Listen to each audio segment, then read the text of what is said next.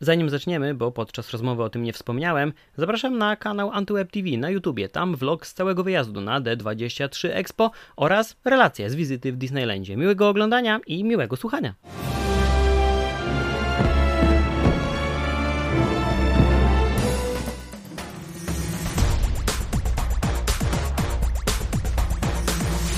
Cześć, witajcie w 134 odcinku podcastu Antweb po godzinach. Przed mikrofonem Konrad Kozłowski.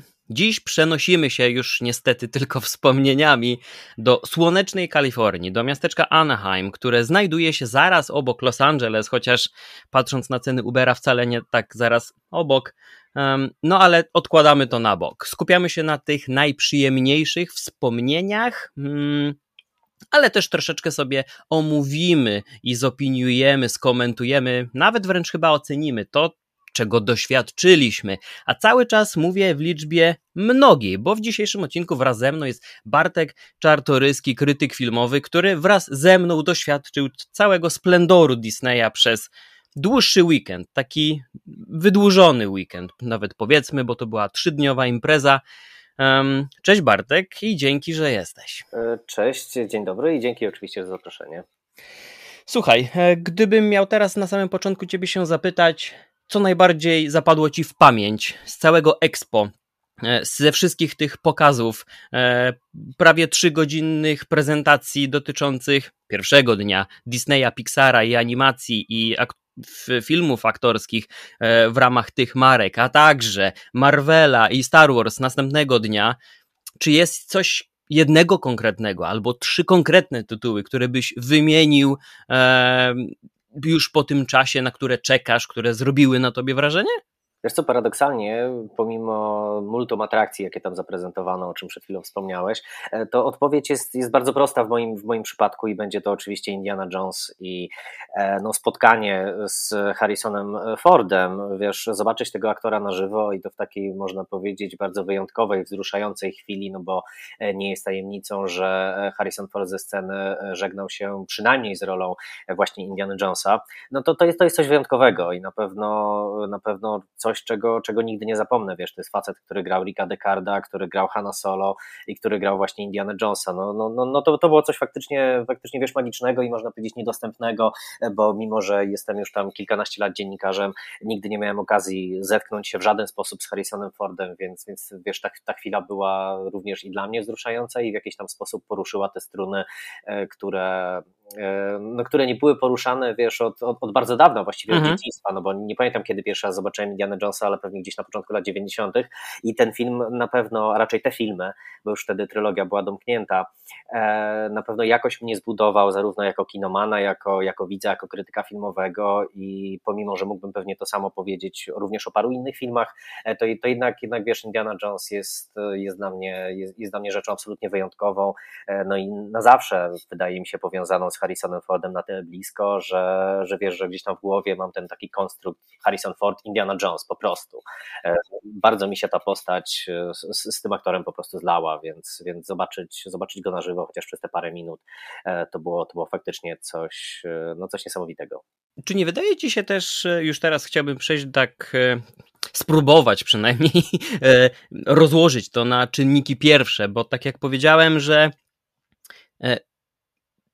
można by chyba rozróżnić całą tę imprezę na kilka takich segmentów i, i, i, elementów. My jeszcze mieliśmy poza udziałem w imprezie możliwość e, wybrania się do Disneylandu, ale te najprzyjemniejszą i najlżejszą chyba do omówienia atrakcje zostawimy tak. na koniec. Więc jeśli chodzi o samo expo, o same panele i prezentacje, to tutaj tak naprawdę, jeśli chodzi o agendę całego wydarzenia, kluczowe były mm, dwie konferencję, ta dotycząca Disneya, Pixara i animacji, a także Marvela i, i, i Lucasfilm, Star Wars z taką odrobinką 20th Century e, Studios, gdzie, gdzie zobaczyliśmy fragmenty nowego awatara. E, I czy gdy skupimy się na tym Disneyu i Pixarze, czy nie wydaje ci się, że, że, że gdzieś już takie tory tego, co się teraz dzieje, nie zostały nakreślone jakiś czas temu, no bo gdy spojrzymy na, na, na sięganie w archiwa e, Disneya i, i, i całej firmy po te znane i, i cenione wręcz nawet można powiedzieć w niektórych przypadkach legendarne marki, to oglądamy je w większości w jakiejś nowej oprawie, bardzo często też w takiej aktorskiej wersji live action najczęściej określanej. Mm, mamy też Mufasę, który no, nie dość, że będzie nawiązaniem do kultowego Króla Lwa, to jeszcze ten film też zostaje w tej aranżacji e, live action, a nie animacji, więc skąd to się może brać u Disneya, że zamiast proponować nam coś zupełnie nowego, e, jeśli spróbujemy to jakoś tak w miarę generalnie objąć, bo oczywiście pewne jakieś nowości się pojawiły zupełne, ale w, gdy ja próbuję sobie przypomnieć, co tam zobaczyłem, czego doświadczyłem, to te 10 lat później nadal, nadal czujemy, że to jest ten sam Disney, który był um, w przeszłości, ale w nowym opakowaniu. E, no tak, wiesz co, no, odpowiedź jakby też tutaj e, po raz kolejny będzie prostsza niż się wydaje, przynajmniej e, z mojej jakby tak krytyczno-filmowej perspektywy i z jakiegoś tam doświadczenia obserwacji branży przemysłu filmowego przez, przez tyle lat. No po prostu nakręcić aktorskie adaptacje animacji, które są już jakby przy danym studiu i które są ich po prostu IP z gotowymi, można powiedzieć, scenariuszami, z gotowymi piosenkami i właściwie no, z całym gotowym fundamentem jest o wiele łatwiej niż wymyślić coś nowego. E, to jest, to jest, to jest można powiedzieć taka oczywista oczywistość. A druga, druga sprawa to e, można powiedzieć już budowanie na jakimś fanbase i na jakiejś rozpoznawalności właśnie danego IP, czyli intellectual property, własności intelektualnej, jest, jest, jest, jest również o wiele łatwiejsze. Więc z jednej strony jest to wiadomo, pójście na skróty, pójście na łatwiznę i tutaj jakby tego no nie, nie da się temu zaprzeczyć. Tutaj nie, nie trzeba być sceptycznie nastawionym do działań Disneya, żeby, żeby do takiego wniosku dojść, tak mi się wydaje. Ale z drugiej strony, ja będę też tej strategii e, biznesowo-artystycznej bronił pod tym względem, że Disney przez minione 100 lat, no bo e, zaraz e, studio to można powiedzieć bazowe, czyli Walt Disney Studios skończy 100 lat, co było też motywem zresztą można powiedzieć, takim leitmotywem mhm. E, tego e, D23, na którym byliśmy, bo było to powiązane również właśnie z obchodami tych setnych urodzin studia Walta Disneya, e, zbudowało tak, takie dziedzictwo, tak mocne, tak głęboko osadzone, no nie tylko w popkulturze, ale ogólnie w kulturze jako takiej oraz wiesz, dorobiło się tylu marek, że szkoda by było to wyrzucić za okno i absolutnie już tego później nie wykorzystywać, nie wykorzystywać na dużym ekranie bo Disney już wcześniej oczywiście tam dokręcał jakieś swoje sequele animowane, które szły od razu na kasety, czy tam DVD, czy na streaming, czy coś, a teraz można powiedzieć wyciągnął to na, na trochę wyższy level. I e, dlatego mówiłem, że będę bronił tej taktyki, no bo mm, wiesz, no jest na czym budować, jest tutaj z czego czerpać i, i, i z czego korzystać, więc ja nie sądzę, by to było takie kanibalizowanie się studia przez, przez, przez siebie, e, tylko, tylko raczej jakiś refleksyjny sposób spojrzenia na to, co kiedyś się dokonało e, i to, co będzie można zrobić z tym w przyszłości. I właśnie ta przyszłość mnie troszkę w kontekście Disneya najbardziej i ciekawi, i martwi, martwi zarazem, bo e, wiesz, to co zostało nakręcone 20-30 lat temu, dzisiaj właśnie zostaje przypomniane w formie no, na przykład filmów aktorskich, no ale co z nowymi IP, które będą mogły być wykorzystane w ten sposób za lat 20 czy 30. E, oczywiście to jest tylko taka moja e, luźna refleksja, bo gdzieś tam w Disneyu zapewne dumają nad tym no, głowy mądrzejsze niż, niż ja i zapewne jakąś tam, jakąś tam taktykę na, i strategię na kolejne lata już mają przynajmniej naszkicowaną. E, no i, i, po prostu jestem ciekawy, jestem ciekawy kolejnych, kolejnych kroków Disneya, bo nie wierzę, nie wierzę że, że, że ta firma, że to studio zatrzyma się tylko i wyłącznie na sequelach typu Mufasa, e, które no, z jakiejś tam perspektywy zapewne są interesujące, ale które postrzegam bardziej jako ciekawostkę niż, niż wiesz, pełnoprawne jakieś e, dzieła filmowe. O wiele bardziej na przykład zainteresowała mnie e, nowa wersja Piotrusia Pana, czyli Piotruś Pan i Wendy, która wygląda naprawdę ciekawie, naprawdę dobrze. Oczywiście opieram się tutaj tylko na jakimś tam dwuminutowym trailerze, który e, nam pokazano, ale który jest jakąś tam, a przynajmniej mam nadzieję, że będzie jakąś kreatywną reinterpretacją zarówno literackiego oryginału, jak i jakąś być może polemiką z animacją, która jednak mimo swoich niezaprzeczalnych wartości artystycznych, no dość mocno się zestarzała. I, i właśnie wiesz, wiesz, ten dialog Disneya prowadzony z Disneyem jest bardzo ciekawy i moim zdaniem to nie jest takie mówienie do lustra, ale jest również dialogiem z rzeczywistością, z teraźniejszością, z tym, czego potrzebują widzowie, w jaki sposób tę historię można opowiedzieć na nowo. To jest, to jest, to jest worek bez dna i ja uważam, że e, Disney popełniłby ogromny błąd właściwie, gdyby, wiesz, z tej swojej spuścizny nie korzystał. Jeśli już wywołałeś do tablicy jeden konkretny tytuł, to, to ja tutaj zwrócę się ku mojemu faworytowi, to jest oczywiście Królewna Śnieżka z Rachel Zegler i Gal Gadot, y, no, która ma zagrać złą królową i jeśli chodzi tutaj o obsadę, taką wizu- obsadę i oprawę wizualną i taki feeling po samym zwiastunie, to właśnie Królewna Śnieżka chyba będzie najbardziej wyczekiwanym przeze mnie um, tytułem. Na ten niestety zaczekamy aż do 2024 roku, natomiast um, Dostrzegliśmy też jeszcze jedną rzecz podczas tej prezentacji i dyskutowaliśmy o niej w trakcie, a także później. Ten, ten rozdział, o którym też się mówi w ogóle w kontekście całej branży i całego przemysłu, czyli oczywiście premiery kinowe i te premiery na Disney Plusie. I pamiętam, jak byłeś zaskoczony, że Piotruś, Pan i Wendy trafi na Disney Plus. E, to nie jest jedyny tytuł i oczywiście w naszych materiałach można znaleźć konkretne informacje o tym, który tytuł trafi do jakiego modelu dystrybucji. Natomiast ja byłem, przyznam ci szczerze, zszokowany tym, jak dużo dużych tytułów jest dedykowanych właśnie Disney Plusowi, bo przez e, ostatnie miesiące, przynajmniej ja takie wrażenie odnosiłem, że po takim okresie pandemii, w którym Disney było nawet gotowe e, wpuścić na Disney Plus najnowszy film Marvela w dniu premiery za dodatkową płatą, co prawda, ale jednak tak teraz e, można kompletnie uznać to za eksperyment, do którego firma była zmuszona w danym czasie, a teraz, e, gdy, gdy nie jest do tego zmuszona, mimo wszystko ten Disney Plus będzie platformą docelową nawet do tak dużych produkcji. Więc co to może mówić e, o, o, o samej firmie, która Wydawać by się mogło, że przecież Królewna Śnieżka, czy, czy, czy Piotruś Pan, czy kilka innych tytułów byłoby w kinach samograjami, że tam pojawią się ci, którzy oglądali ten film przed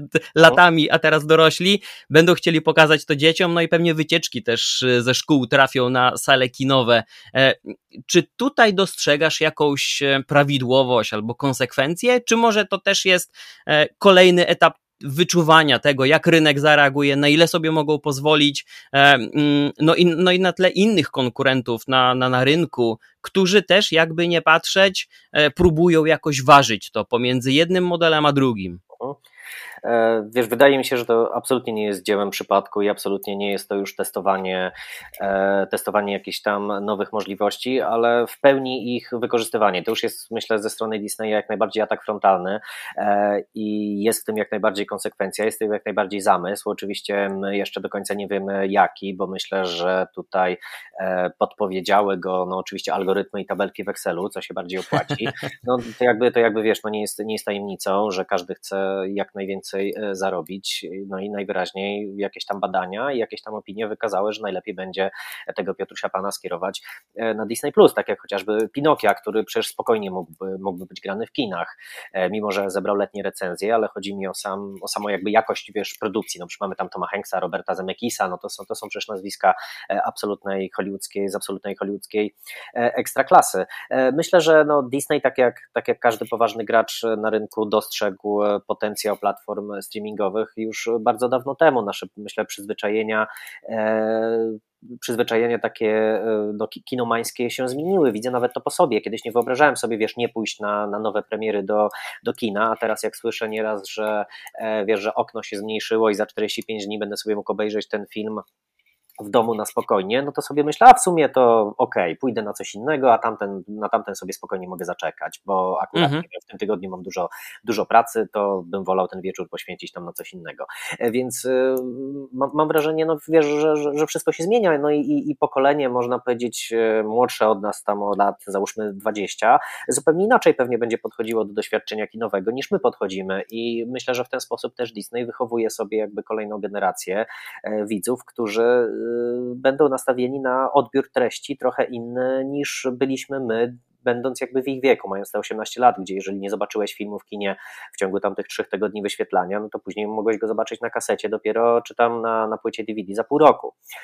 No i Disney ma tę przewagę nad Netflixem, HBO czy E, czy Applem, czy innymi jakimś Amazonem, e, że po prostu jest ogromnym studiem filmowym i może właśnie produkować blockbustery i, e, jakby no od kopa dawać je do katalogu Disney Plus, czyli swojej platformy streamingowej. Żaden inny gracz obecnie na rynku, na rynku obecnie polskim, no bo jednak mamy chyba w zagranicę jeszcze jest Paramount, który pewnie by sobie mógł na takie coś pozwolić, no nie, nie może czegoś takiego zrobić. To jest, to jest wiesz, no tutaj z tych zapowiedzi z, z D23, jeżeli chodzi o panel disneyowski, no to podejrzewam, że tak z połowa tych e, produkcji, które zapowiedziano, jest przeznaczona na Disney Plus. I to nie są produkcje gorsze, to nie są produkcje niskobudżetowe czy, czy jakieś e, ewidentnie nieudane. To, to, to wszystko wyglądało e, bardzo dobrze i obiecująco, i, i właściwie nikt nie może sobie na coś takiego pozwolić, żeby blockbuster za na przykład 100 czy tam 120 milionów dolarów skierować od razu do dystrybucji,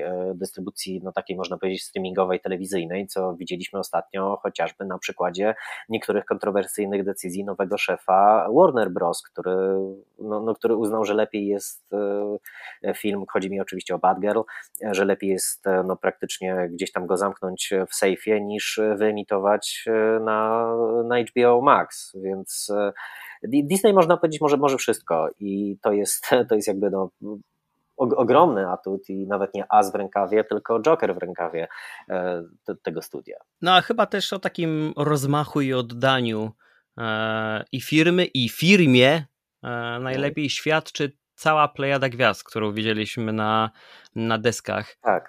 sceny, bo przecież tak naprawdę na palcach może jednej, może dwóch dłoni moglibyśmy policzyć osoby, których zabrakło wśród uh -huh. tych największych nazwisk, a nawet w przypadku um, już kręconych projektów, obsada była w stanie wrócić nawet z Europy, gdzieś z Londynu, przylecieć i pojawić się przed, przed publicznością, przed dziennikarzami, e, po to, żeby, żeby podkreślić znaczenie tych premier, tych zapowiedzi. To jest mój taki płynny sposób na przejście do drugiego panelu odnośnie Marvela i Lucasfilmu.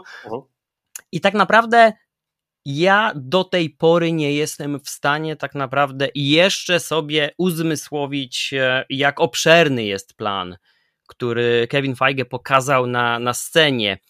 Przyznam, że sposób prowadzenia samej prezentacji troszeczkę mnie zaskoczył, bo e, nie we wszystkich przypadkach, nie w przypadku każdego tytułu dowiedzieliśmy się tak dużo, na ile liczyliśmy, to po pierwsze. E, po drugie, nawet te zapowiedziane projekty, gdzie widzieliśmy tylko pojedynczą planszę, albo poznaliśmy reżysera, reżysera sceno, e, scenarzystę, albo autorów projektu lub najważniejszą gwiazdę, no tutaj nie ujawniano zbyt więcej informacji, e, a mimo wszystko oczywiście szum w sieci był przeogromny, jak chociażby w przypadku najnowszego Kapitana Ameryki, gdzie oczywiście dojdzie do, do, do zmiany głównego uh -huh. bohatera, e, ale całe to wydarzenie, cała ta konferencja, e, sposób wyważenia i próby znalezienia takiego balansu pomiędzy tym, co już jest dostępne e, w tym roku, albo w przyszłym, albo w następnych latach, to gdy zbierze się wszystko to do, do, do, w taką całość, wydaje mi się, że że teraz zaczyna się zupełnie nowy etap, jeśli chodzi o e, wykorzystanie przez Disneya, Marvela czy, czy, czy Lucasfilm, bo te błędy z przeszłości, szczególnie w przypadku Star Warsów, już e, chyba powoli o nich zapominamy. Oczywiście niektórzy będą wracać do tej trzeciej trylogii, e, wszyscy będą wracać do Obi-Wana, który też podzielił fanów i, i nie wszystkim widzom przypadł do gustu. Mm, widać, że w przypadku tych marek Disney próbuje jednocześnie dawać fanom jak najwięcej, ale też w niektórych przypadkach gra dosyć bezpiecznie, nie chce zbyt ryzykować i sąduje tak naprawdę, na ile może sobie pozwolić w niektórych e, przypadkach.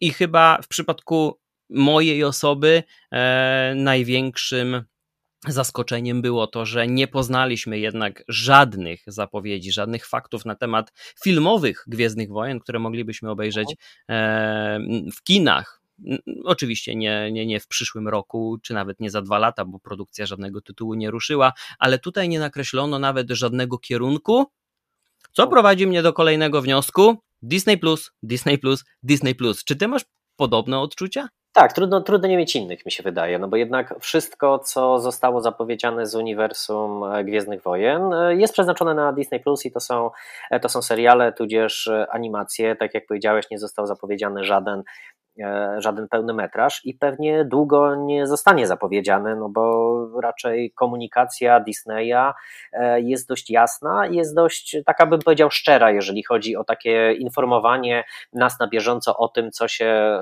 co się aktualnie dzieje w, no tam u nich gdzieś za, za kulisami. Dlatego też nie było wielu niespodzianek na tych panelach dla nas, e, mhm. śledzących na bieżąco to, co się dzieje w Marvel Studios czy, czy, czy w Lucasfilm. No i tak, zdecydowanie, te, te dwa światy, y, mówię, mówię tutaj o Marvelu i Gwiezdnych Wojnach, będą rozbudowywane dynamicznie i na bieżąco, ale właśnie na platformie Disney+. I zastanawiam się tylko, o ile w Gwiezdnych Wojnach jesteśmy przyzwyczajeni do tego, że było to e, Expanded Universe przez, przez wiele, wiele lat i jest, jest dalej e, i można było oglądać właściwie wszystkie filmy pełnometrażowe, nie czytając żadnego komiksu, nie grając w żadną grę, e, nie czytając żadnej książki powiązanej z tym, z tym uniwersum, no bo jednak tu mamy galaktykę no, na, tyle, na tyle ogromną, właściwie bezkresną i tyle postaci, tylu bohaterów, że każdy mógł tam znaleźć, znaleźć coś dla siebie. Ja na przykład przez, przez pomimo że e, miałem się za ogromnego fana Gwiezdnych Wojen, raczej trzymałem się e, filmów, e, czasem tam zajrzałem, wiesz, na, na jakąś animację, czasem przeczytałem komiks, ale za bardzo mnie nie interesowało to, co się dzieje poza tym filmowym rdzeniem. I zastanawiam się, jak tutaj, jak tutaj, wiesz, to będzie, czy, czy te wszystkie opowieści będą jednak takimi bardziej apokryfami, które można sobie pominąć, czy będą powiązane, czy będą bardziej powiązane z tym, co zobaczymy, no bo, no bo na pewno zobaczymy jakąś jeszcze filmową serię Gwiezdnych Wojen. No, trudno, trudno, żeby było inaczej. E, a myślę tak dlatego, bo po tym, co zobaczyliśmy na na panelu, na części panelu poświęconej e, Marvel Studios, no to tutaj z kolei też dostaliśmy mnóstwo, poza, poza filmami kinowymi, e, dostaliśmy mnóstwo seriali, które jednak będą z tymi filmami kinowymi i już są dość ściśle, ściśle powiązane. Ja na przykład już, wiesz, po sobie widzę, że przestaję nadążać, przestaję się wyrabiać z oglądaniem, z oglądaniem wszystkiego i zastanawiałem się, oglądając na przykład w kinie ostatniego Doktora Strange'a, jak na ten film i na niektóre z tych wątków i na przemianę E, Wandy Maximow, wiesz, reagują ludzie, którzy nie widzieli WandaVision, a wtedy legalnie tego zobaczyć e, no, fizycznie nie mogli. E, I, I wiesz, i zastanawiam się, jak tutaj będzie to wszystko, to wszystko ze sobą powiązane. Szczególnie, że chociażby w Czarnej Panterze nowej Ryana Kuglera będzie, będzie wprowadzona postać bodajże Riri Williams, czyli tej no, takiej niby spadkobierczyni dziedzictwa Tonego Starka, Ironmana, która dostanie też swój serial Ironheart. No i na pewno nie jest to robione tylko po to, żeby zrobić podkładkę pod występ tej postaci w serialu, ona pewnie będzie później jeszcze występować w kolejnych filmach i zastanawiam się, wiesz, na ile, na ile te, te rzeczy, które Kevin Feige zapowiedział, te rzeczy serialowe, będą istotne dla całego MCU, czy będą niezbędne dla zrozumienia wiesz, postaci, wydarzeń, światów, miejsc i tak dalej? Czy to się wszystko tak mocno wymiesza jak w komiksach na zasadzie takiego ścisłego crossoveru, czy jednak będą to takie, wiesz, dwa niezależne od siebie strumienie, które z czasem wpadną do jednej rzeczki, ale które potem się rozgałęzią, e, rozgałężą tak, że, że, będziesz, że będziesz mógł, wiesz, pominąć zupełnie e, to, co jest puszczane na Disney Plus i oglądać e, same filmy kinowe, których i tak jest tyle, że, że wiesz, że, że znam ludzi, który, dla, dla których to jest zbyt często i którzy muszą sobie robić dłuższe trochę przerwy e, od Marvela. No i to są, to są, to są takie, może, można, można powiedzieć, moje takie rozkminy, niekoniecznie, e, niekoniecznie związane z, z, z tym, o co pytałeś, trochę takie e, dygresyjne, ale, ale wiesz, to, to jest bardzo ciekawe, bo, no bo, no bo stoimy w, w dziwnym bardzo miejscu, bo jest właśnie ekspansja Disney+, jest przekierowanie, można powiedzieć, sił kreatywnych, no i, no i również finansowych właśnie na platformę streamingową, ale z jakimi konsekwencjami dla widzów? Tego, tego jeszcze nie wiemy. To właściwie dopiero zobaczymy. No bo przecież Kevin Feige zapowiedział, no nie wiem, z pięć seriali, prawda? No, nie licząc nawet kolejnego sezonu Lokiego, to przecież był Daredevil, który ma być takim miękkim rebootem bardziej. Już czytałem nawet plotki, że, że gdzieś tam się pojawi e, Punisher e, prawdopodobnie. Było Echo, było Thunderbolts, było Armor Wars, prawda? Które będzie z kolei taką kontynuacją Secret Invasion. I tak wiesz, bólu głowy można, można powiedzieć od tego dostać wydawać. I mamy do tego jeszcze no, tam parę filmów, które zostały zapowiedziane albo albo pokazane. No nic z tego oczywiście nie było, nie było dla nas nowe, chociaż dostaliśmy pierwszy trailer Marvels. E, I, no i naprawdę jestem ciekawy, jak to się wszystko wymiesza i jak to będzie wszystko, wszystko połatane. Uważam, że z Gwiezdnymi Wojnami jest łatwiej zrobić te takie rozdzielenie treści niż, niż w Marvelu, bo w Marvelu jednak mamy pomimo, że tam kilkaset postaci wyjściowo, no to, to, to i tak e, w tych serialach mają się przewijać e, no, ludzie, superbohaterowie, których już znamy z kina. E, no i trochę się, trochę się o to obawiam, trochę mnie to ciekawi, trochę mnie to intryguje, no ale nie ma szans, żeby każdego zainteresowały wszystkie seriale z dwóch światów i uważam, że błędem będzie czynienie konieczności z ich obejrzenia, żeby zrozumieć to, co się w ogóle dzieje, wiesz, później w kinie.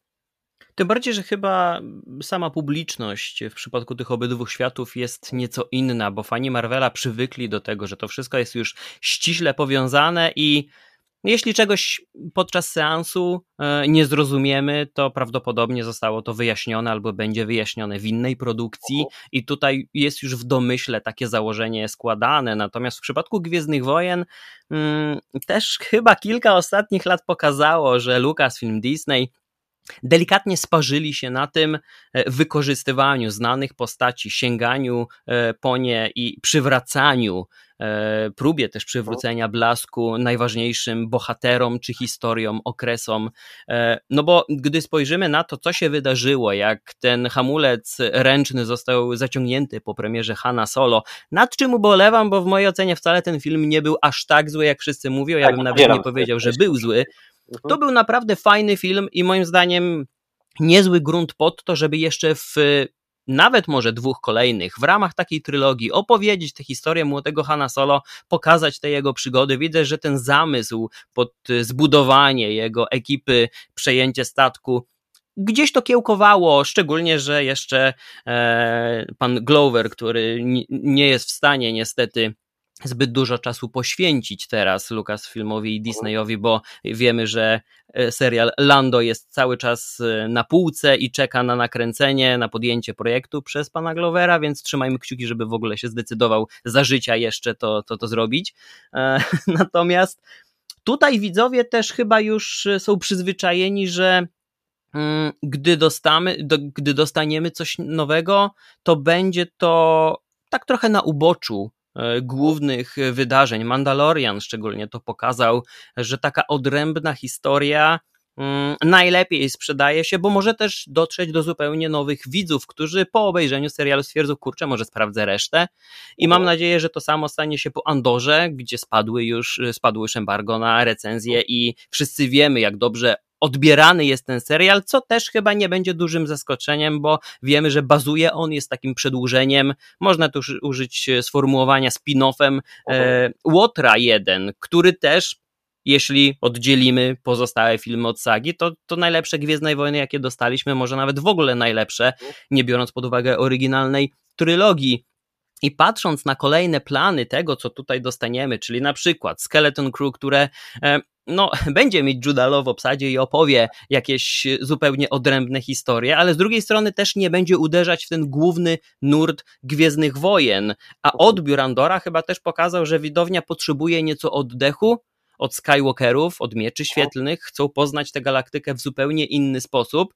E, być może te animacje, tak jak Tales of the Jedi, gdzie wspomniałeś, że tego typu e, produkcja do ciebie nie trafia, z drugiej strony dla mnie jest y, świetnym rozwiązaniem, bo dobrze wiemy, że Disney nie będzie już w stanie e, przyciągnąć na plan filmowy tych, którzy grali, czy hrabiego Duku, e, czy Qui-Gon czy Mesa Windu, a w ramach takich opowieści można jeszcze uzupełnić trochę życiorysu tym postaciom i i to mnie bardzo cieszy, tym bardziej, że ta stylistyka serialu nawiązuje do tego, co oglądaliśmy w Wojnach Klonów, czy w Parszywej Zgrai, jeśli dobrze pamiętam polski mhm. tytuł, Bad Batch. Tak, tak. E, I kurczę, to, to mi się naprawdę podoba, w jakim kierunku to zmierza. Mm, Muszę jeszcze tylko nadmienić, bo oczywiście podczas wydarzenia nie brakowało dyskusji odnośnie tego, jak został odebrany, jak był oceniany Obi-Wan Kenobi. Mhm. Byłem zdumiony, że nie brakowało pozytywnych opinii wśród fanów i dziennikarzy, mm, ale też niektórzy z delikatnym skinieniem głowy e, twierdzili, że e, gdzieś to się delikatnie rozjechało. Ale wracając do głównego tematu, czyli. Co, ja tutaj jeszcze coś dorzucę do tego rozjechania, skoro, skoro wiesz, e, skorzystam. E, wiesz co, ja oglądając Obi-Wana miałem po raz pierwszy w życiu e, taką refleksję, że jestem już za stary na Gwiezdne Wojny. E, I właśnie ja, można powiedzieć, jestem już jakby na, na tym etapie, że chciałbym więcej doroślejszych rzeczy ze świata Gwiezdnych Wojen i zarówno Rogue One, jak i Andor udowadnia, że taka sztuka się jak najbardziej może udać. No ale trzeba pamiętać, że no cóż, Lucasfilm no, to, nie, to nie jest koncert życzeń i trzeba, trzeba jednak zro, zrobić, można powiedzieć, produkcję również dla pokolenia, które te Gwiezdne Wojny by chciało oglądać również i za lat 20, tak jak my chcemy oglądać je dalej, mimo że oglądaliśmy oryginalną trylogię, prequele i, i, i całą resztę bardzo dawno temu i na tym się wychowaliśmy, to trzeba, trzeba pamiętać, że Gwiezdne Wojny zawsze były filmem dla dzieci i młodzieży, no nie oszukujmy się. Ja wiem, że to jest czasem trudne do przełknięcia dla dorosłych fanów, ale, ale, tak jest i to jest prawda. I uważam właśnie, że to takie, no nie wiem, rozjechanie, tudzież e, rozdwojenie tych produkcji e, gwiezdnowojennych na produkcje przeznaczone dla młodszej publiczności i na produkcje przeznaczone e, dla starych wyjadaczy jest jak najbardziej potrzebne i pożądane. To jest świat bardzo pojemny, szkoda byłoby go wykorzystywać tylko i wyłącznie w jeden sposób, właśnie cały czas tracąc już właściwie w tym momencie, mam wrażenie, czas na Skywalkerów, miecze świetne i to wszystko, co, co już myśl, myślę, że tam w tym temacie już zostało bardzo dawno wszystko powiedziane, co, co powinno było zostać powiedziane i czas się udać na jakieś e, kompletnie nowe poszukiwania, dlatego się, e, się cieszę, że Taika Waititi, że Ryan Johnson właśnie mówią e, o tych swoich jakichś twórczych, kreatywnych poszukiwaniach w świecie Gwiezdnych Wojen, właśnie tak, jak ja bym chciał je, wiesz, zobaczyć, tak jak ja bym chciał je, je, je usłyszeć. Ja już, już wiesz, nie, nie chcę filmu o Darcie Molu, czy nie wiem, Origin e, hrabiego Duku, czy jakieś takie rzeczy. To, to już mnie zupełnie, zupełnie nie interesuje e, i chciałbym właśnie zobaczyć nowe Gwiezdne Wojny, już dla mnie kręcone, dla faceta, który ma 40 lat,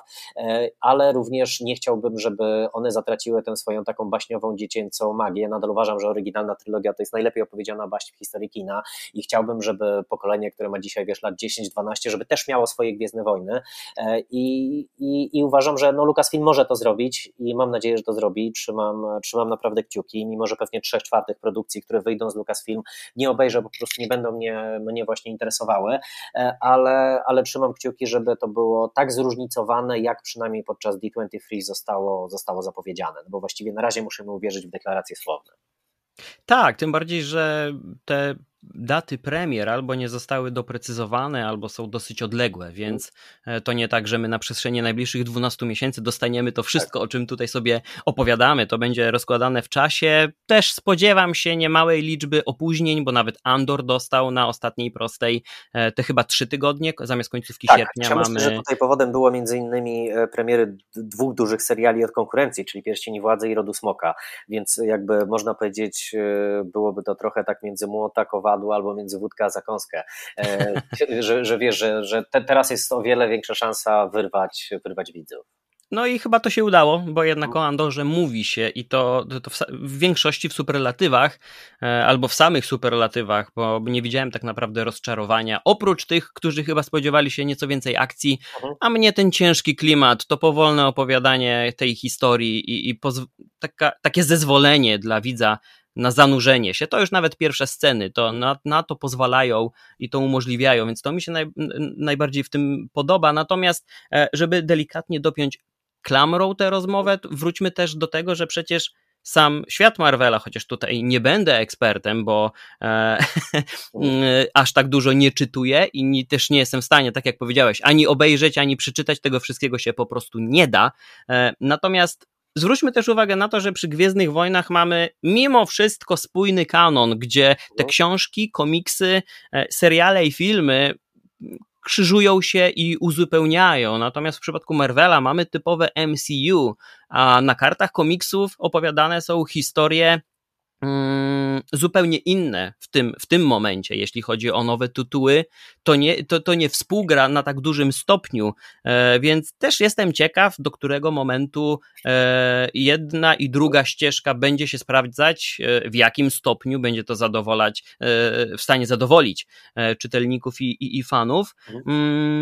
I gdybyś w tym momencie jeszcze mógł tak delikatnie podsumować samo D23, bo przejdziemy teraz na halę, czyli cała masa atrakcji. Ja miałem jeszcze okazję wybrać się na Expo jeden dzień wcześniej, żeby część e, tych mm, prezentacji, a także, a także atrakcji doświadczyć, zanim e, te tysiące ludzi pojawią się, się na halach. E, czy coś tam zwróciło Twoją uwagę, czy, czy to była raczej impreza na poziomie Disneya, ogólnie rzecz ujmując, czyli nie zabrakło niczego, i czułeś się usatysfakcjonowany jako fan, jako po prostu fan. E, ta impreza ogólnie jest profilowana e, pod fanów, tutaj jakby trzeba to, trzeba to wyjaśnić. Ona tam chyba właśnie ma w dopisku coś takiego typu, nie wiem czy nie przekręcę, Ultimate Fan Experience czy coś takiego. Dokładnie tak. E, I, i, i to widać i to naprawdę, naprawdę czuć, że ta impreza jest zrobiona dla ludzi i trzeba pamiętać, że Disney cieszy się no, innym trochę statusem niż u nas, niż w Polsce, niż, niż w Europie, mimo że oczywiście wiążemy tam te, te firmy z jakimiś żelaznymi klasykami i tak dalej, e, to jednak w Stanach Zjednoczonych to jest część ich e, dziedzictwa kulturowego, ich tożsamości, mam wrażenie, e, i faktycznie możemy spotkać na tej imprezie prawdziwych fanów Disneya jako takiego, co u nas mam wrażenie, że wydaje się nieco dziwne, no bo, bo wiesz, bo jak można być, nie wiem, na przykład fanem Sony Pictures albo fanem, nie wiem, Paramount, prawda?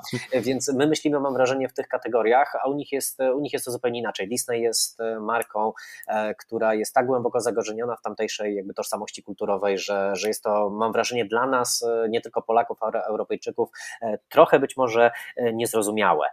I jeśli chodzi o samą imprezę, to, no, to, to, jest, to jest absolutnie ekstraklasa światowa. Ja mam to szczęście, że od dekady właściwie jeżdżę na Comic Con do San Diego, Miałem też okazję być na nowojorskiej Comic Conie e, i to, to są imprezy nieporównywalnie większe niż D23, ale można powiedzieć, że z mniejszym fanowskim zaangażowaniem, mam wrażenie. E, wiadomo, że samemu Disneyowi łatwiej jest jakby zrobić imprezę zbudowaną wokół tylko i wyłącznie siebie samych, niż zorganizować Comic Con, gdzie wiesz, masz setki wystawców, 20 e, różnych, 20 różnych film, 30 wytwórni i tak dalej, i tak dalej. E, ale e, to, to, co, to, co, to, to, co można jakby doświadczyć na D23, masz, masz zbudowaną jakby jednolitą społeczność, która przychodzi tam tylko i wyłącznie w jednym celu, które jara się absolutnie wszystkim, co zostanie pokazane, pokazane na ekranie. Ludzi, którzy koczują przez kilkanaście godzin, na przykład, żeby dostać się na pan panel, na którym im e, absolutnie zależy. To, to, to jest faktycznie, faktycznie przeżycie i e, impreza zorganizowana, jak już mówiłem, no, na najwyższym właściwie światowym poziomie. E, jakby nie widziałbym, wiesz, nie widzę, jak można zrobić lepiej to, co zostało już tam zrobione. Z mojej jakby perspektywy na samej hali wystawowej, hala wystawowa, tak zwany floor, no to jest część, gdzie nie odbywają się żadne prelekcje, panele, pokazy, prezentacje, tylko mamy vendorów, czyli tych no, sklepikarzy, wystawców. Wystaw, tak, wystawców, dziękuję. E, wystawców, którzy przywożą po prostu swoje towary na sprzedaż i właśnie tego mi zabrakło. Było takich niezależnych sprzedawców, e, można powiedzieć prywaciarzy, którzy przyjechali e, z fajnymi rzeczami. Było niesłychanie mało. Ja miałem szczęście być na D23 przed pięcioma laty, w 2017 roku i tam zdecydowanie ta sekcja handlowa była o wiele większa i można było dostać super rzeczy, niekoniecznie drogo. W tym roku raczej postawiono na typowe takie disneyowskie atrakcje, czyli była wystawa właśnie z okazji stulecia e, Disneya, była wystawa kostiumów ze Star Wars, z Indiana Jonesa, z e, filmów Marvela, e, była, było duże stoisko Pixara, gdzie sobie można było zrobić zdjęcia z postaciami z tych, z tych kreskówek. I było właśnie dużo takich atrakcji niekomercyjnych, bym, bym powiedział. E, więc wiesz, no można powiedzieć, że jak się tego słucha, no to, to ktoś mógł powiedzieć, ale fajnie, bo właśnie nie naciągają na kasę, tylko można było pójść za, no, za darmo jak za darmo, bo trzeba było kupić bilet. Ale jak już mhm. to było, no to można było za darmo zobaczyć super rzeczy i fakt, ale właśnie zdziwił mnie brak e, takiej wyrazistej jakby sekcji, wiesz, e, handlowej, gdzie można było, można by było sobie kupić po prostu fajne rzeczy. Tego mi zabrakło. E, ale wiesz, no, jeżeli ktoś tam pojechał tylko i wyłącznie po to, żeby, no nie, nie, nie po to, żeby zrobić zakupy, tylko po to, żeby doświadczyć czegoś. I nawet jeżeli e, przez e, te kolejki i tak dalej udało mu się być przez te trzy dni tylko tam na dwóch czy trzech panelach, to i tak właśnie ten floor, ta hala wystawowa zapewniła no, no, no tyle emocji, że, że myślę, że i tak taka osoba nie miałaby prawa narzekać, no bo wiesz, gdzie w jednym miejscu zobaczysz oryginalne kostiumy z Indiana Jonesa obok z Willow i 10 metrów dalej z Nowego Tora na przykład. Więc to są, to, to są rzeczy, które ja osobiście bardzo lubię, bardzo lubię kostiumy, rekwizyty, więc również chodziłem tam, wiesz, z otwartą gębą i, i zrobiłem milion zdjęć i no nie, nie wiem, nie wiem jak, jak ty uważasz. Mi tam jakby no niczego nie zabrakło, poza być może jeszcze paroma stoiskami, gdzie mógłbym sobie kupić jakąś pierdółkę. A właśnie ja nie mam tego punktu odniesienia, więc e, nie powiedziałbym, że zabrakło dla mnie uh-huh. jakiegokolwiek metrażu sklepowego. Tutaj uh-huh. pod tym względem raczej czułem się ukontentowany. Być może gdybym wiedział, że można to zorganizować na większą skalę, to wtedy czułbym delikatny zawód. Natomiast mm, i tak spędziłem zbyt dużo czasu i też trochę pieniędzy na tych stoiskach, więc tak. E, kupując jakieś a, drobne rzeczy, drobne rzeczy, nawet magnesy, ale to mimo wszystko są naprawdę produkty, które ciężko myślę byłoby u nas e, nawet po prostu zamówić, dostać, mhm. a, albo koszty importu byłyby zbyt duże. Więc pod tym kątem byłem mm, jak najbardziej zadowolony, jeśli chodzi o same wystawy, atrakcje, bo tutaj e, należy też uzupełnić, że a, odnośnie samych kostiumów, bo mi temat ucieknie. Nie wspomnieliśmy o Gwiezdnych Wojnach i Marvelu, gdzie mieliśmy całą wystawę chyba tak na długość, nie wiem, 40, 30 metrów, gdzie wystawiono te, te, te kostiumy z a, chyba tych wszystkich najważniejszych postaci. Oczywiście Darth Vader cieszył się największym zainteresowaniem. Jako, że byłem na miejscu, mogę potwierdzić, że rzeczywiście robi to przepotężne wrażenie. Generalnie gdy ja wcześniej słyszałem takie opinie, zdania, że Podczas pracy na planie jeden operator albo dźwiękowiec e, poczuł dreszczyk emocji, gdy Darth Vader wszedł na, na, na plan i, i, i rozpoczęła się scena. Zawsze czytasz coś takiego z przymrużeniem oka. Nie chcesz w to uwierzyć. No, halo, przecież to jest gość z jakiejś baśni, z fantastyki, z filmów science fiction, który nie jest w stanie nic ci zrobić, więc dlaczego miałbyś cokolwiek poczuć? A nawet gdy znajdował się te dwa metry ode mnie na wystawie nieco wyżej, to rozmiar tej postaci to jest najwyższa tak naprawdę e, chyba postać wśród tych wszystkich, które były tam wystawione, to robi przepotężne wrażenie i rzeczywiście zauważyłem, że wiele innych osób podobnie reagowało. To właśnie przy nim najwięcej osób się zatrzymywało, robiło zdjęcia. Tak. E, no i to jest coś, czego nie możemy chyba zobaczyć w innym miejscu. Zresztą mówiliśmy o tej części, mm, o tym temacie stulecia Disneya i właśnie z tej okazji też przygotowano na Expo specjalną wystawę, gdzie pojawiły się kostiumy chociażby z kostiumy i nawet czerwony dywan. Teraz sobie przypomniałem. Czerwony dywan, który był na premierze europejskiej, bodajże w Paryżu w latach 30 podczas premiery Królewny Śnieżki. I ten dywan jeździ razem z całą wystawą, więc widać, że Disney sięga do tych archiwów, y, próbuje wyciągnąć z magazynów jak najwięcej, żeby dać fanom jak najwięcej, a na ostatnim stoisku czekała na nas nie lada gratka, bo oprócz y, najnowszego BB-8 można było też całkiem blisko podejść, zobaczyć z bliska mm, R2D2 i C-3PO, te, które wystąpiły w oryginalnej trylogii, więc pierwsze odczucie oczywiście, oczywiście jest takie, a to jest przecież robot z Gwiezdnych Wojen, ale kiedy próbujesz sobie uzmysłowić, że właśnie dokładnie ten rekwizyt, te kilka dekad wcześniej e, wystąpił w najważniejszych filmach, w jednych z najważniejszych filmów mm, dla całego przemysłu, no to też skłania do pewnej refleksji, zatrzymujesz się na dłużej,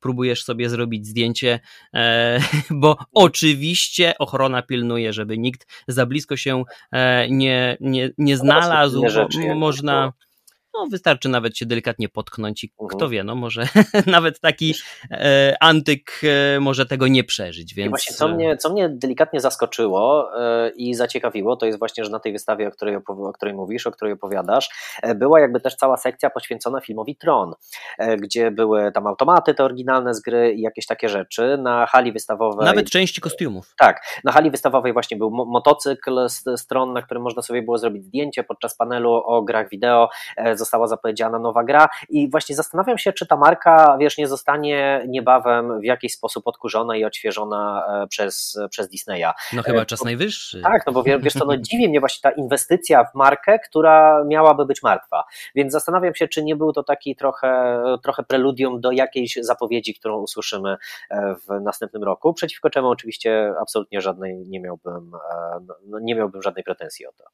Tym bardziej, że i wystawa, i stoisko cieszyły się niemałą popularnością. Ja chyba musiałem poświęcić 15 albo 20 mhm. minut, e, żeby sobie zrobić zdjęcie na tym mhm. motocyklu, o którym mówisz. Mhm. Więc e, no, zainteresowanie jest. Widziałem też fana, który na danym motocyklu zrobił sobie zdjęcie z ścieżką dźwiękową na winylu z pierwszego trona, więc no widać, że fanów nie brakuje i chyba nawet takie, tak jak powiedziałeś, statystyki Excel pokazują, że tutaj jest potencjał, ale być może firma potrzebuje nieco więcej czasu, żeby uformować jakąś nową ideę, e, żeby wiedzieć, w którym kierunku z tym pójść, bo mimo że dziedzictwo, oczywiście, czyli drugi, drugi tron, e, w mojej ocenie był dobrym filmem, to nie zrobił takiego zamieszania, na jaki chyba liczył Disney, zresztą niedługo później Niedługo później przejęto większe marki, którymi się Disney zajęło od razu i zaczęło je wykorzystywać w znacznie większym stopniu. E, mieliśmy też animację, e, która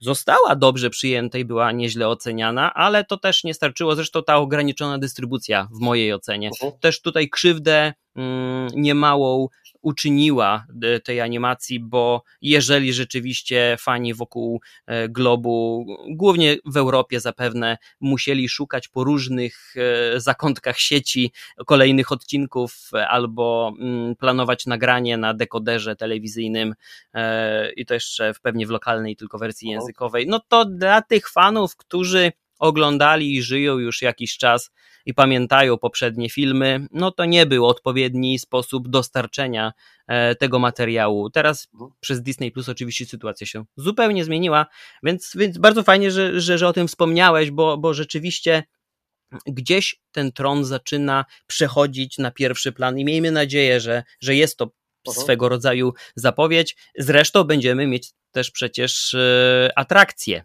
w Disneylandzie z, tak. z, z Tronem w roli głównej. Cała taka przejażdżka interaktywna będzie na fanów czekać. No a w tym momencie nie moglibyśmy rozpocząć nasze innego segmentu niż, niż nasz ostatni temat, czyli oczywiście parki Disneyland. Właśnie, zanim jeszcze przejdziemy do tego, do tego Disneylandu, to chciałem się cofnąć jeszcze do, tego, do tej uwagi, którą powiedziałeś, że jak zobaczyłeś Darta Vadera, to przypomniałeś sobie te wypowiedzi ludzi z planu, którzy tam, wiesz, że tam dreszczyk emocji, no i faktycznie, wiesz, czasem jest to za przeproszeniem takie marketingowe pierdololo, e, ale, ale, ale, ale wiesz co, y, to, to, to jest taki, można powiedzieć, trochę skojarzyło mi się, wiesz, z takim tym cyklem życia, krągiem życia z Króla Lwa Disneyowskiego. To, co widzieliśmy na scenie. Właściwie wszyscy, którzy, wszyscy reżyserzy, którzy wychodzili i zapowiadali te swoje filmy, mówili o tym, że wychowywali się na filmach Disneya, że tam kochali tamtę markę i teraz robią na przykład remake, tudzież coś, tudzież jakiś spin-off i tak dalej, i tak dalej. I to również można by było teoretycznie, wiesz, wrzucić do kosza, że to takie marketingowe gadki specjalnie przygotowane dla publiki, która zgromadziła się na D23, ale z drugiej strony, wiesz, ci ludzie są, nie wiem, albo w moim wieku, albo odrobinę starsi i kurczę, no faktycznie oglądaliśmy te same filmy w tym samym wieku, e, więc e, to jest, e, to jest można powiedzieć coś, wiesz, co, co też prowadzi do takiej, do, do, do takiej, wiesz co, refleksji, że w sumie ci ludzie, którzy wychowali się kiedyś na Gwiezdnych Wojnach, wychowali się na komiksach Marvela, wychowali się na animacjach Disneya, teraz kręcą właśnie dla tego, dla tego studia, dla, albo dla tych różnych studiów, filmy, animacje, seriale i inne rzeczy. I zastanawiam się właśnie, e, co będzie, wiesz, za 20 lat, kiedy ludzie, którzy dzisiaj mają lat 15, za 20 lat będą kręcić e, swoje, swoje filmy, seriale, animacje i tak dalej, na czym, na czym się oprą? Na Antmanie, na Andorze? I zastanawiam się właśnie tutaj, czy nie ma takiej potrzeby w Disneyu, w Disneyu jakiegoś takiego, wiesz, właśnie dużego, dużego IP, jakiejś większej rewolucji, która przyniesie nam takie, tak, tak silne marki marki, tak mocne marki. Zastanawiam się, czy jest to w ogóle wiesz, możliwe w dzisiejszym świecie, e, w którym mamy no, tak dużą konkurencję, taką nadpodaż treści, tak, tak, tak dużą produkcję. Zastanawiam się, czy to wiesz, w ogóle jeszcze jest możliwe, żeby, żeby takie duże marki powstały. No ale z drugiej strony no, Marvel, MCU całe jest e, filmowe, stosunkowo młode, więc jest, jest to dowód, że e, prawdopodobnie się da i to jeszcze właśnie ta myśl budzi we mnie jakąś taką, wiesz, ekscytację kinem, ekscytację telewizją i tym, co się, co się może jeszcze w następnych latach latach e, wydarzyć i dlatego, dlatego trudno mi być e, nieoptymistycznie nastawiony, pomimo że wiesz, pomimo tych zarzutów, że Disney zjada własny ogon i tak dalej. E, to jest jednak, jednak wiesz, no... Dobrze naoliwiona tak, maszyna. Tak, właśnie, no nie chciałbym, żeby to górnolotnie zabrzmiało, że tam wierzę w te firmy czy coś takiego, bo, bo, bo, bo wiesz, bo nie, nie, nie, jestem fanatykiem Disneya, raczej, raczej nie obchodzi mnie co kto robi, ale obchodzi mnie już samo dzieło ale, ale no, trzymam, trzymam naprawdę mocno kciuki, żeby, żeby te wszystkie marki, które oni mają pod, pod swoim parasolem, żeby poprowadzili je tak, jakbyśmy, można powiedzieć, tego chcieli oraz żeby jednak e, nie doprowadziło to, te wszystkie akwizycje, żeby one nie doprowadziły do jakiegoś takiego kreatywnego lenistwa, żeby jednak ci ludzie, którzy, e, którzy dzisiaj kręcą te filmy dla Disneya, żeby chcieli zrobić jakby coś, wiesz, out of the box, coś więcej niż kolejne Gwiezdne Wojny, niż kolejny film superbohaterski i tak dalej, e, i tak dalej. No i bardzo bym chciał, żeby Disney taką szansę, taką szansę im zaoferował. Opłaca się inwestować w nowe IP, może nie zawsze finansowo, ale chciałbym, żeby to nie było najważniejsze. Ja wiem, że to jest myślenie trochę życzeniowe i naiwne, e, no ale jednak wiesz, no wszyscy kinomani są, mam wrażenie, też marzycielami, więc pozwalam sobie na to. A myślę, że przez najbliższy czas Disney nawet nie będzie zbytnio właśnie zmuszone do sięgania e, po zupełnie nowe tytuły, bo też patrz, wyciągnęliśmy jak z kapelusza Tron, o którym e, zapewne większość fanów Disneya albo w ogóle widzów e, w pewnym stopniu zapomniało. E, albo mogli nawet zapomnieć, że to jest część Disneya, podobnie zresztą jak przecież, uwaga, Piraci z Karaibów. Tak. Nie omówiliśmy w ogóle tego tytułu, bo nic podczas ani prezentacji, ani na samym D23 nie pokazano. Gdzieś na razie czeka na, na, na swoją kolej ta marka ale dobrze wiemy i możemy się śmiało spodziewać, że gdzieś w najbliższych latach e, kolejne produkcje się pojawią, byle tylko odpowiedni pomysł się wykształcił. Ja wcale nie będę też zaskoczony, jak za chwilę Piraci z Karaibów będą w ten sam sposób eksploatowani jak Marvel czy Gwiezdne Wojny, e, że dostaniemy jakiś serial albo limitowany, albo z kilkoma sezonami o przygodach młodych piratów e, w tym samym uniwersum z legendami o Jacku Sparrowie to jest po prostu coś, e, co musi zaczekać, przepraszam, na odpowiedni pomysł, i, ale też i chyba miejsce w kalendarzu premier, bo tak. za każdym razem gdy nam na skrzynkę mailową wpada kalendarz zapowiedzi Disneya, to nie dość, że do tych roszad dochodzi dosyć często, bo przecież tyle czynników na to wpływa. Poza tym jest on tak upakowany, te premiery są tak często, e, że no znalezienie miejsca na coś w, nawet pokroju Piratów z Karaibów może być dosyć, dosyć trudno, a my byliśmy też na przejażdżce przecież No właśnie, właśnie, wiesz, właśnie miałem tak płynnie przejść, no bo, bo, nie jestem pewien, czy wiesz, z ilu, ilu z naszych słuchaczy orientuje się, że pomysł właśnie na Piratów z Karaibów e, wziął się z atrakcji, która jest w Disneylandzie, podobnie jak zresztą Jungle Cruise, który oglądaliśmy z Emily Blunt i e, Dwightem Johnsonem, czyli, czyli, czyli The Rockiem. E, no i podobnie jest... będzie, przepraszam, że wejdę słowa, ale dokładnie to samo będzie z Haunted Mansion, e, z tak, filmem, który został z Owenem Wilsonem Wilsonem, z Denem DeVito zapowiedziany. E, to jest atrakcja w Disneylandzie, a teraz będziemy mieć pełnoprawny film, więc tak. widać jak to no, się wszystko przenika. Maszyna, praktycznie wiesz, perpetuum mobile, prawda? I ja oczywiście nie mogłem sobie odmówić przyjemności wybrania się na taką przejażdżkę. E, I gdy, no to nie jest jedna z najnowszych atrakcji, ale trzeba przyznać, że e, robi wrażenie tym bardziej czas trwania, kiedy już wydawało się, że zmierzamy ku końcowi i że mm, nie będzie już żadna niespodzianka za rogiem na nas czekać, to takowa się pojawiała, e, więc jeżeli wybierzecie się do Disneylandu, to myślę, że warto te kilka, kilkanaście minut w kolejce, jeśli takowa będzie, tak. poświęcić na, na, na Piratów z Karaibów, ale chyba. Jest już obecna w paryskim Disneylandzie, więc nie trzeba, mhm. nie trzeba latać do Kalifornii. One, one, one się troszeczkę różnią od siebie, e, ale raczej szczegółami niż, niż ogólną jakby prezentacją. I chyba tak naprawdę na palcach jednej ręki można będzie policzyć te główne atrakcje, które omówimy, których brakuje w paryskim Disneylandzie, więc mhm. E, w miarę możliwości będziemy to oczywiście tutaj wyszczególniać. Natomiast e, to, do czego dążyłem, to, to chyba fakt, że no, będziemy w stanie z łatwością wymienić bardziej angażujące i, i robiące większe wrażenie atrakcje niż Piraci z Karaibów, prawda? Tak, tak, zdecydowanie. Piraci z Karaibów to jest jednak relaksująca, E, oldschoolowa przejażdżka, można powiedzieć łódeczką przez e, no, takie pirackie miasteczko i tak dalej, które, które jest bardzo fajne, ale jednak, e, no, ale jednak nie robi takiego wrażenia jak te atrakcje, które zostały tam zbudowane w ciągu na przykład od ostatniej dekady. Bo ja też patrzę na to wszystko z perspektywy osoby, która w Disneylandzie jeszcze nie była do niedawna. Już jedną wizytę, jeśli weźmiemy to oczywiście w całość, to jedną wizytę już mogę sobie odhaczyć. I ja już wiem, że to nie będzie ostatnia, bo nawet jeśli jakąś atrakcję znamy, to chcemy ją przeżywać po raz kolejny. Byli tacy, którzy opuszczali e, ją tylnymi drzwiami i za chwilę wracali do kolejki, bo chcieli jeszcze raz.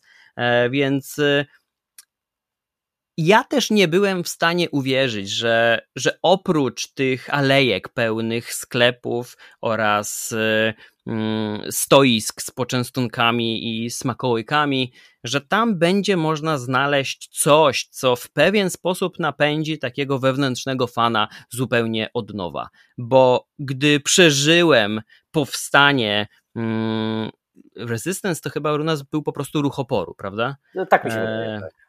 Bo gdy przeżyjemy Rise of the Resistance, czyli powstanie ruchu oporu, e, jedyne o czym marzymy, może nie jedyne, dwie, o dwóch rzeczach będziemy marzyć. Po pierwsze, przeżyć to jeszcze raz, a po drugie, e, zasiąść przed telewizorem i włączyć jeden z filmów Gwiezdnych Wojen, żeby, żeby jeszcze raz oddać się tej, tej, tej historii.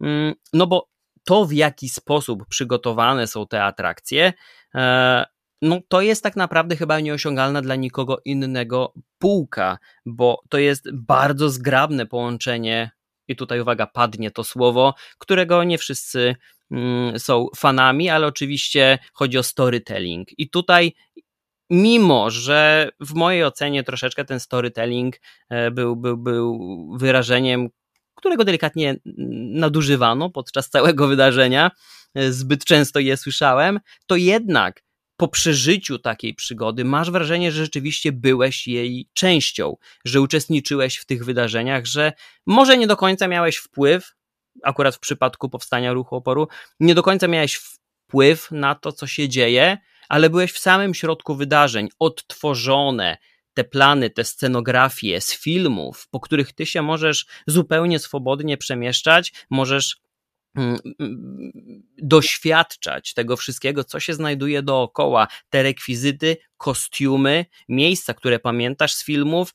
Tam tak naprawdę trudno byłoby znaleźć chociażby jeden kąt mm, całego tego kompleksu, który jest, y, który okazałby się nudny, bo nawet stojąc w kolejce, gdy już znajdziesz się w środku, to owszem, czujesz delikatne rozczarowanie, że kurczę, tu jest jeszcze kolejka, jeszcze te kilkanaście minut będę musiał odstać swoje, ale z drugiej strony już zagłębiasz się w ten świat, a później czeka cię interaktywna jazda, czy pojazdem, e, czy wspólnie z, in, z, innymi znajdujesz się wewnątrz statku, który oczywiście nie odrywa się od ziemi, ale masz wrażenie, że mimo wszystko lata no i mamy też taką robotykę na zupełnie innym poziomie niż, niż chyba każdy sobie wyobrażał, bo momentami można nawet pomyśleć, że postacie, które napotykamy na kolejnych e, etapach przygody, to są kurcze tak naprawdę e, na takim poziomie zaawansowania przygotowane,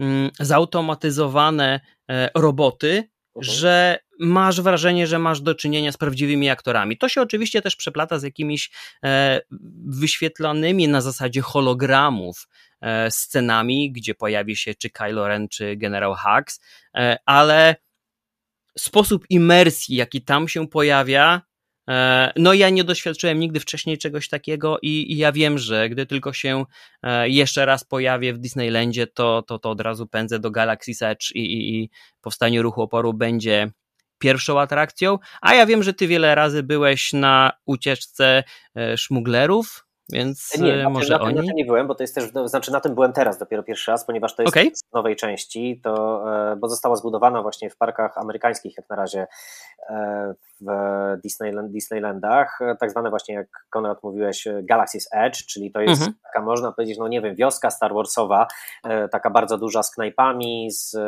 właśnie z atrakcjami i tam są dwie nowe atrakcje, czyli to Smuggler's Run, to się chyba nazywa, gdzie dzieli się uczestników na trzy pary. E, dwójka z nich są, jest, jest pilotami, dwójka strzelcami, a dwójka inżynierami. No i razem to jest interaktywne na tyle, że każdy musi wykonywać jakieś tam polecenia, które padają e, z, z ekranu i mamy taką symulację 3D lotu właśnie, gdzie musimy uciekać przed e, siłami Imperium i dowieść ładunek do celu. No i właśnie drugą to atrakcją to jest to Rise of Resistance, o którym, o którym mówił Konrad, czyli takiej w sumie nawet trudno, trudno, trudno być jak to, jak, jak to nazwać. To jest, to, jest, to jest bardzo interaktywna rzecz, w której jako szpiedzy ruchu oporu jesteście, musicie uciec z bazy, jeździcie takim wózeczkiem, chodzicie, chodzicie wśród aktorów, wśród rekwizytów. No trudno jest oczywiście mówić o takim przeżyciu komuś, kto, kto jakby no nie, nie, nie widział tego, ale jest to faktycznie ekscytujące, a wielokrotnie byłem już wcześniej na Star Tours i to jest taka już stara atrakcja, która jest również obecna w paryskim Disneylandzie i to jest taka jakby no też symulacja 3D rollercoasterowa, można powiedzieć, ale no, w której siedzi się w miejscu z okularami 3D e, i e, ten statek, w którym, w którym siedzimy, w jakiś tam sposób się buja, spada, wznosi, e, przyspiesza, zwalnia i, i faktycznie również ta imersja jest, jest super. I tak jak mówisz, fajnie było przeżyć coś w takiej bliskości Gwiezdnych Wojen, bo standard produkcji tej atrakcji Rise of the Resistance jest faktycznie filmowy. Poczułem się, jakbym był na planie filmowym i tutaj absolutnie nie przesadzam. Byłem pod ogromnym wrażeniem, a myślałem, wiesz, już jestem zblazowany na tyle, że myślałem, że zobaczyłem tam wszystko. Otóż to. E, I dlatego żałuję, że podobno plany na rozwinięcie paryskiego Disneylandu o Galaxy Edge podobno zrezygnowano z nich. Otwarto też ten Avengers Campus, który jest e, również oczywiście w Kalifornii. I czytałem plotki, że w Paryżu zamiast Galaxy Edge ma się pojawić Pandora. No bo jednak jakoś tam trzeba e, tę markę awatarową, która będzie nam towarzyszyć jeszcze przez kolejne lata, wykorzystać.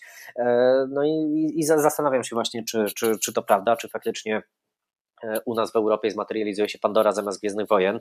E, z jednej strony byłoby szkoda, ale z drugiej nie znaczy, że, że atrakcje same będą, będą słabsze, bo akurat tutaj popularność marki, siła marki nie zawsze ma przełożenie, można powiedzieć, na fajność, na atrakcyjność e, atrakcji. Czasem zupełnie niepozorne rzeczy w Disneylandzie dają ogromnie dużo frajdy.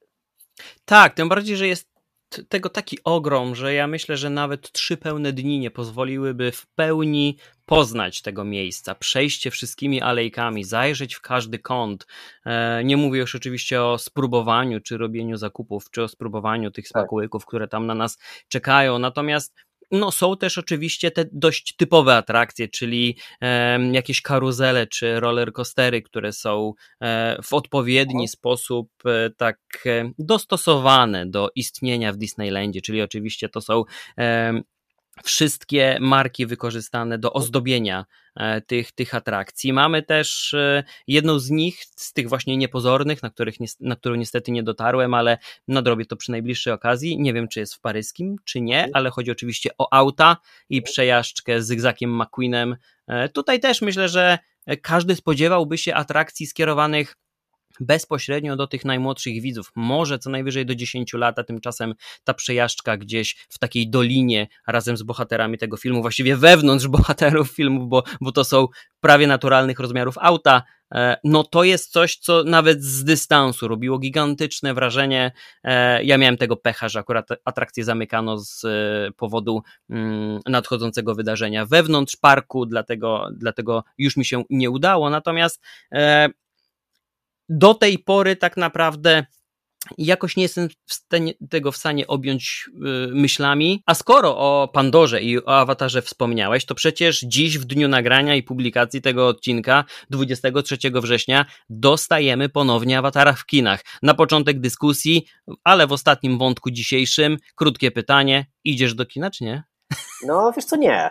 W sensie. No, no, no myślałem. Nie dlatego, że mi się awatar nie podobał. Przeciwnie, ja e, wyszedłem z kina pod dość dużym wrażeniem. E, no, szczególnie oczywiście, jeżeli chodzi o aspekty techniczne bo wtedy jeszcze takiego 3D tak dobrze wykonanego i tak szczegółowego, tak głębokiego, e, no jeszcze mam wrażenie, że się nie oglądało. E, i przynajmniej tak to zapamiętałem. E, a poza tym, wiesz, fabularnie on mi jakoś super nie przeszkadzał. Ja wiem, że tam ludzie się, się wyzłośliwiali, że to jest w sumie remake Pocahontas i tak dalej, i tak dalej, ale ja jako człowiek, który e, gdzieś tam, mam wrażenie, ma głęboko zaszczepiony jakiś tam, wiesz, szacunek, można powiedzieć, do przyrody, jakkolwiek górnolotnie to mhm. zabrzmi, to jakby odebrałem, mam wrażenie, na poziomie emocjonalnym ten film tak, jak pewnie James Cameron chciałby, żebym go odebrał, ale wydawało mi się, że jest to, że jest to, wiesz, taki, taki one shot, że jest to, że, że ten film to jest taka jedno jednorazówka i nie miałem pojęcia jeszcze wtedy, że James Cameron planuje tak ekstensywnie go rozbudowywać latami, jak, no jak się na to zapowiada, jak na to wygląda. No i zastanawiam się, czy tam faktycznie jest potencjał na to, żeby opowiedzieć jeszcze jedną historię w tym świecie. Znaczy, pewnie jakiś jest, ale z tych fragmentów pozbawionych kontekstu, tutaj zaznaczę, które nam pokazano na D23, po raz kolejny byłem zachwycony. To było ponad 10 minut kurczę tak, materiału. Tak. E, tam z pięć takich e, króciutkich no, no, no scenek, ale w których nie za bardzo wiedzieliśmy o co chodzi, bo nie znaliśmy bohaterów, nie znaliśmy sytuacji, w których się znaleźli.